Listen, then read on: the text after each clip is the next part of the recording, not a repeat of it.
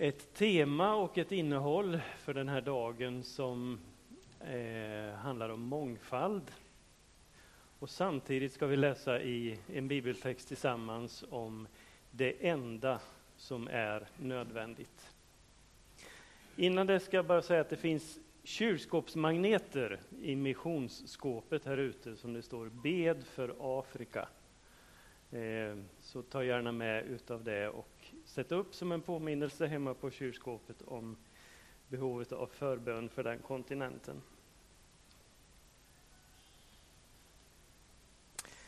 Den bibeltext vi ska läsa tillsammans är ifrån Johannes evangeliet ifrån det femtonde kapitlet.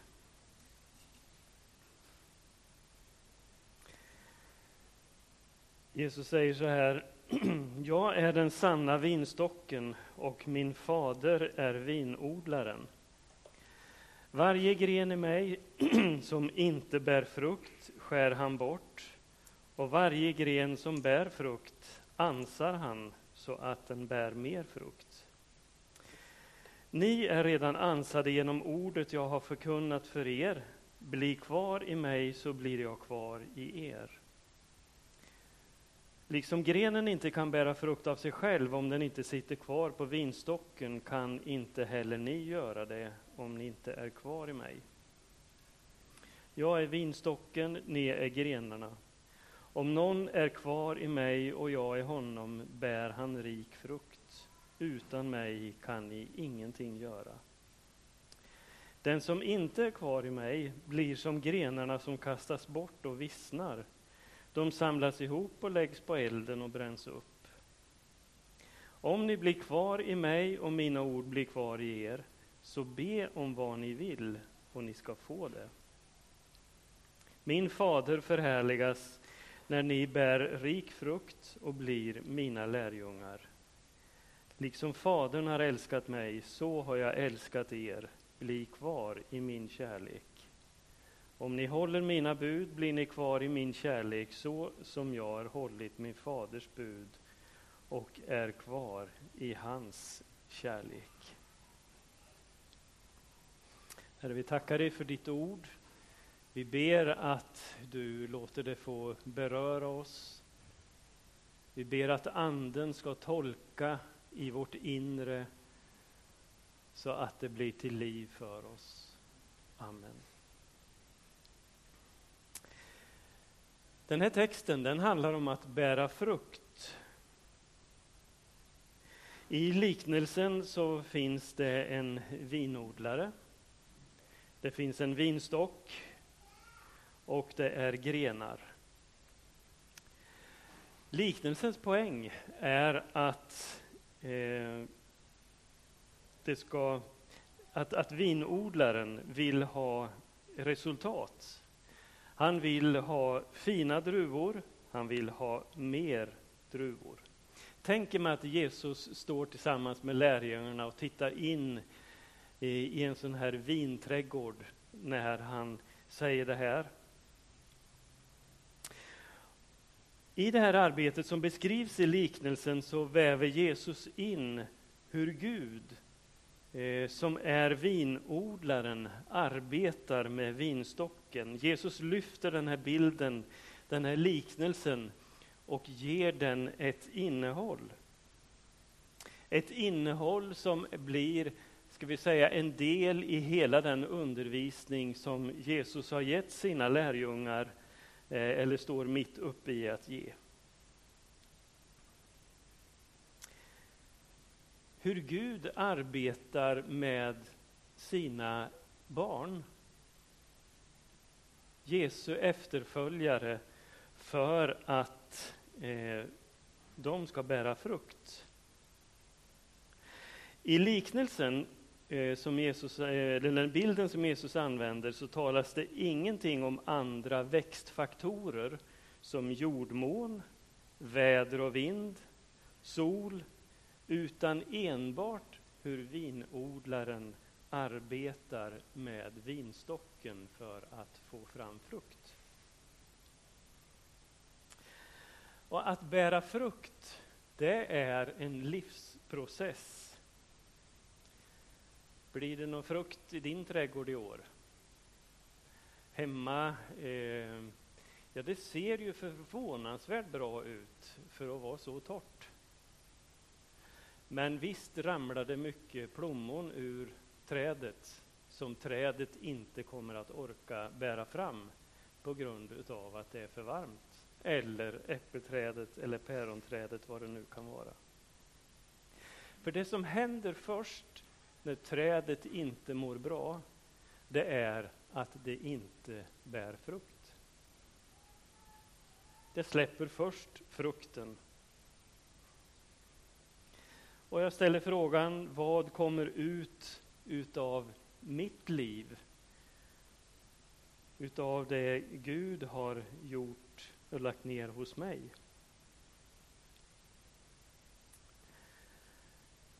Dagen handlar inte bara om den här växtprocessen utan det handlar också om gåvor, om förmågor, om kompetens på olika sätt. I mitt arbete i vardagen som rådgivare och coach har jag mött många människor under de senaste 15 åren och arbetat tillsammans med dem om, med frågor om att komma vidare i arbetslivet. Oftast har någon eller några andra tagit ett beslut som innebär att personen eller personerna i fråga behöver nyorientera sig att komma vidare. Och I det arbetet utgår vi ifrån frågor som Vem är du? Vad vill du? Vad kan du? Och vad är viktigt för dig? Ett arbete där det behövs, det behövs olika mycket av bearbetning av de här frågorna hos olika människor. Men det handlar om att hjälpa personer att bli mer klar över sin kompetens och sin vilja att komma vidare. Frågorna är i sig inte speciellt svåra, men det kan krävas ett visst arbete för att hitta de här svaren och att bli klar på det själv. För det handlar ju inte om att jag ska se det som finns, utan det handlar om att man själva ska se det som finns. Och det här är ett spännande arbete. Alltså en människa är så rik på resurser att hon inte under sin livstid hinner att utveckla allt det som skulle kunna utvecklas. Utan vi, har, vi måste välja. Att tjäna i Guds rike, det är att ställa sitt liv, sina resurser, sina möjligheter, sin kunskap, det som blir mer och mer utav min erfarenhet, min färdighet till Guds förfogande och användas utav honom. Vi ska ta med oss en eh, ytterligare en liknelse och vi har den i Matteus evangeliet, det 25 kapitlet. Där, där rubriken står Liknelsen om talenterna. Det blir nämligen som när en man skulle resa bort och kallade till sig sina tjänare och lät dem ta hand om hans egendom. Den ene gav han fem talenter, den andra två, den tredje en åt var och en efter hans förmåga. Sen reste han därifrån. Den som hade fått fem talenter gav sig genast iväg och gjorde affärer med dem så att han tjänade fem till. Den som hade fått två talenter tjänade på samma sätt två till, men den som hade fått en talent gick och grävde en grop och gömde sin herres pengar. Efter en lång tid kom tjänarens herre tillbaka och krävde redovisning av dem. Och den som hade fått fem talenter kom och lämnade fram fem till och sa, Herre, du gav mig fem, här är fem till som jag har tjänat. Hans herre sa, bra, du är en god och trogen tjänare. Du har varit trogen i det lilla jag ska använda, anförtro dig mycket. Gå in till glädjen hos din herre. Den som hade fått två talenter kom fram och sa, Herre, du gav mig två, här är två till som jag har tjänat. Och hans herre sa, bra, du är en god och trogen tjänare, du har varit trogen i det lilla, jag ska anförtro dig mycket. Gå in till glädjen hos din herre. Och den som hade fått en enda talent steg också fram. Herre, sa han, jag visste att du är en hård man som skördar där du inte har sått och samlar in där du inte har strött ut. Jag var rädd och gick och gömde din talent i jorden. Här har du vad som är ditt. Hans herre svarade honom, du är en slö och dålig tjänare. Du visste att jag skördar det jag inte har sått och samlar in det jag inte strött ut. Då skulle du ha lämnat mina pengar till banken så jag kunde fått igen dem med ränta när jag kom hem. Den här liknelsen, den säger ju att vi har olika saker att förvalta, olika mycket att förvalta. Men det som är den viktiga poängen med det här är ju vilken inställning vi har till det vi har och till det vi är. Det skulle mycket väl kunna varit så att den som fick fem talenter också var slö och lat och inte hade brytt sig om att förvalta utan gärna bara lämna tillbaka det den hade fått. Därför blir det också viktigt, inte bara vad vi har, utan hur vi ser på det vi har. Och hur, eh, vilken attityd vi har, inte bara till andra utan också till oss själva. Det liknelsen säger till oss, det är ju också att det handlar inte bara om vad Gud gör i våra liv, utan det handlar också om vilket val vi själva gör i förhållande till Gud. Om ni förblir i mig, vem tar det beslutet? Jo, det tar ju jag. Hur jag väljer att förhålla mig till Gud, till Guds rike och till hans eh, till att tjäna och leva för honom. Det handlar om, om att, vilja, att vilja leva och tjäna för Guds syften och inte mina egna, att sätta dem före. Oavsett om du har fem, två eller en talent, genom att tjäna och använda det du har, växer du, förändrar och utvecklas, utveckla dig själv både i din relation till Gud och i din färdighet att tjäna.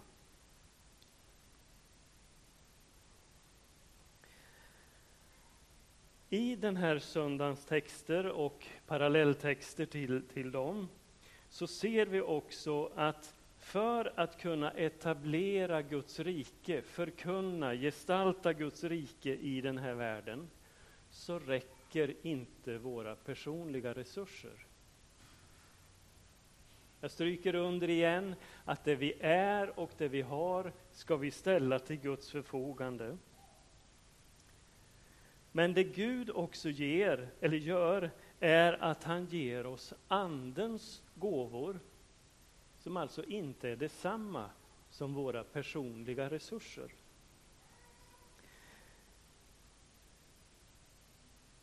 Alltså om församlingen, om Guds verk skulle vara en nykterhetsrörelse, då skulle vi inte behöva Andens gåvor.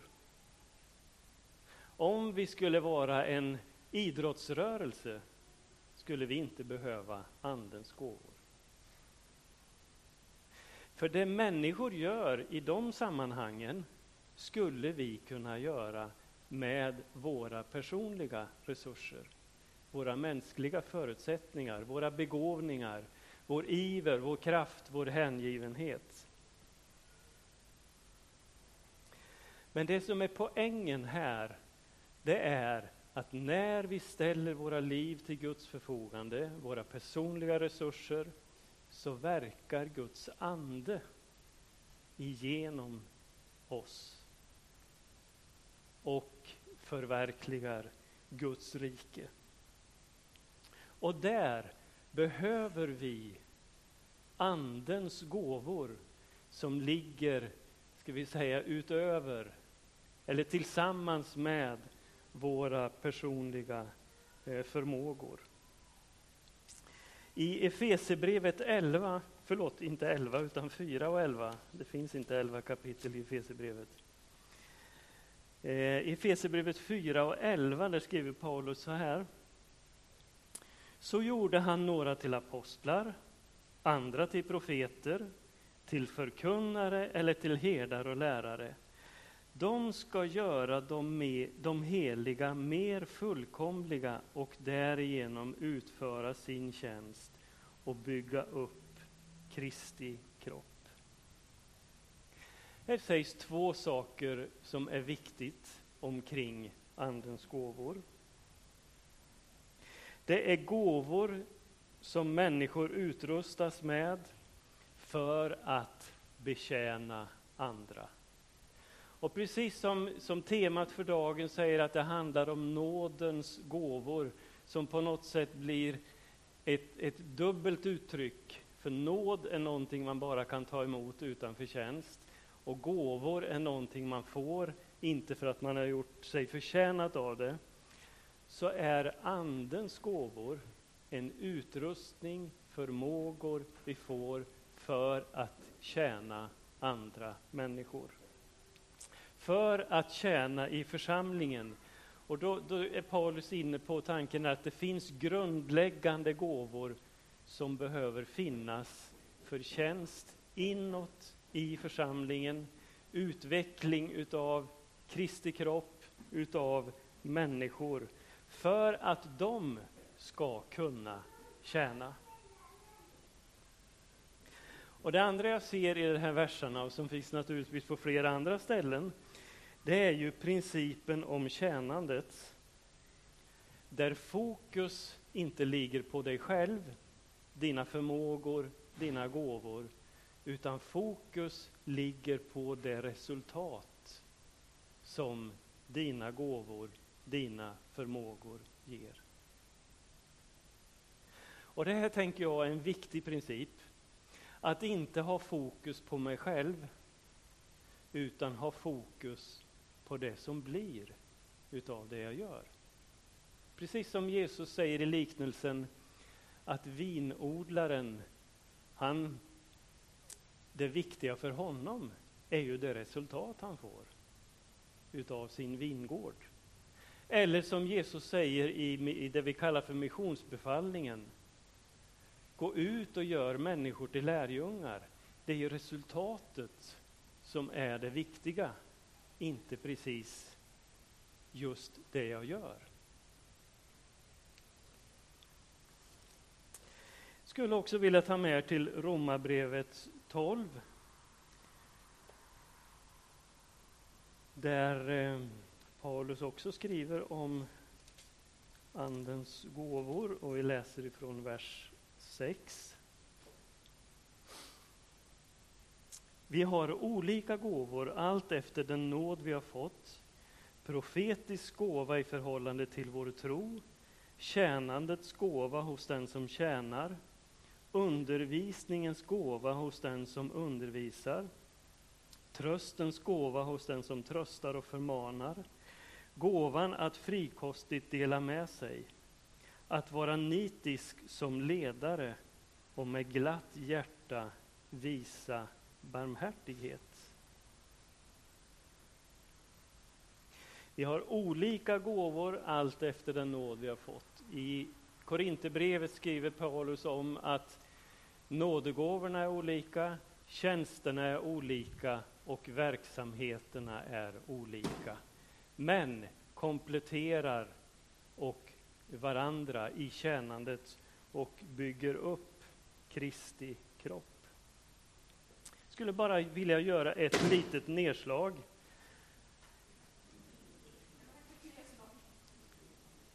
I den här texten. Jag tycker det är intressant det som står just omkring ledarskap. Ledarskap är ju frågor som ofta är på tapeten eh, vad ska vi säga, i arbetsliv och sådana eh, såna sammanhang. Men här nämns en andens gåva specifikt omkring att vara nitisk som ledare. Vad är det att vara nitisk som ledare? Ja, det är att vara ambitiös, att vara plikttrogen, att hålla ut, att eh, jobba för att verkligen nå sitt mål. Vet du vad det är för skillnad på att vara chef och vara ledare? Låt mig ta några saker. Att vara ledare, det är att tjäna. Att vara chef, det, har, det är mer kopplat till auktoritet. Att vara auktoritär. En ledare utvecklar medan en chef bestämmer. Ledare, det är en person som andra väljer att följa. En chef, om man nu drar det till sin ytterlighet, är en person som inte är inlyssnande utan beredd att tvinga, peka med hela handen som vi säger ibland, och till och med manipulera om det är så att det behövs. Och man bevakar sin egen position väldigt starkt. Ledaren har fokus på andras utveckling och vad som händer för andra. Chefen på vad han själv eller hon gör och sin egen position. Frågor omkring ledarskap är alltid, eller ofta, svåra frågor. Inte bara på arbetsplatser, utan också i församlingar. Där mycket av vårt arbete bygger på engagemang och frivillighet. Jag hör emellanåt, har hört det också under det här året, hur människor tar sig en position också i en, i en kyrka, i en församling. Där man alltså inte ges ett utrymme utav förtroende utav andra, utan man tar det själv. Och det är ett ledarskap som är någonting annat än det som Paulus undervisar om och det som Bibeln talar om. Därför att den livsmiljö som ledarskap behöver finnas i, det är det som Paulus beskriver i Galaterbrevet 5, när han talar om, om Andens frukt. Galaterbrevet 5, vers 19 till och med 24 ska vi ta med oss. Vad köttet ger är lätt att se. Otukt, orenhet, Lidlighet, avguderi, trolldom, fiendskap, strider, fördragsamhet, vrede, intriger, splittringar, kätterier, maktkamp, dryckenskap, utsvävningar och annat av samma slag. Ingen trevlig läsning. Än en gång varnar jag er, säger Paulus, de som gör sig skyldiga till sånt ska inte få del i Guds rike. Men Andens frukter, och det här är inte så svårt att koppla till Johannes 15 om att bära frukt. Andens frukter är kärlek, glädje, frid, tålamod, vänlighet, godhet, trofasthet, ödmjukhet och självbehärskning. Mot sånt vänder sig inte lagen. De som, att, de som tillhör Kristus Jesus har korsfäst sitt kött med alla dess lidelser och begär. Nådens gåvor, förmågor som vi har, som vi överlåter till Gud, som eh, Gud använder genom sin ande, andens gåvor, de behöver ha en livsmiljö utav andens frukt. För att de ska vara brukbara i Guds rike och i församlingen. De kan bära frukt bara i en miljö utav Andens frukt.